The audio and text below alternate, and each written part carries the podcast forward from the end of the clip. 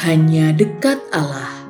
9 Desember 2020. Utang orang lain. Amsal 11 ayat 15.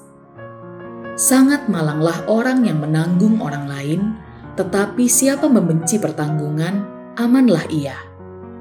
Dalam Alkitab Bahasa Indonesia tertera, berjanji membayar utang orang lain berarti mendatangkan celaka. Lebih baik tidak terlibat dalam hal itu supaya aman. Tak mudah memahami Amsal ini. Kesannya jauh dari tindakan Kristiani.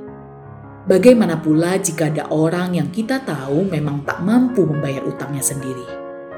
Apakah dibenarkan jika kita diam saja?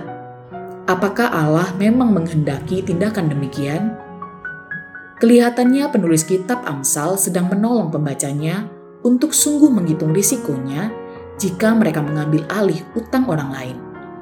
Jangan sampai perkara itu malah membebani diri mereka sendiri. Kita punya peribahasa, Pikir dahulu pendapatan, sesal kemudian tiada guna. Artinya, setiap tindakan atau perbuatan itu hendaknya dipikirkan dahulu baik-baik sebelum dikerjakan agar tidak timbul penyesalan di kemudian hari.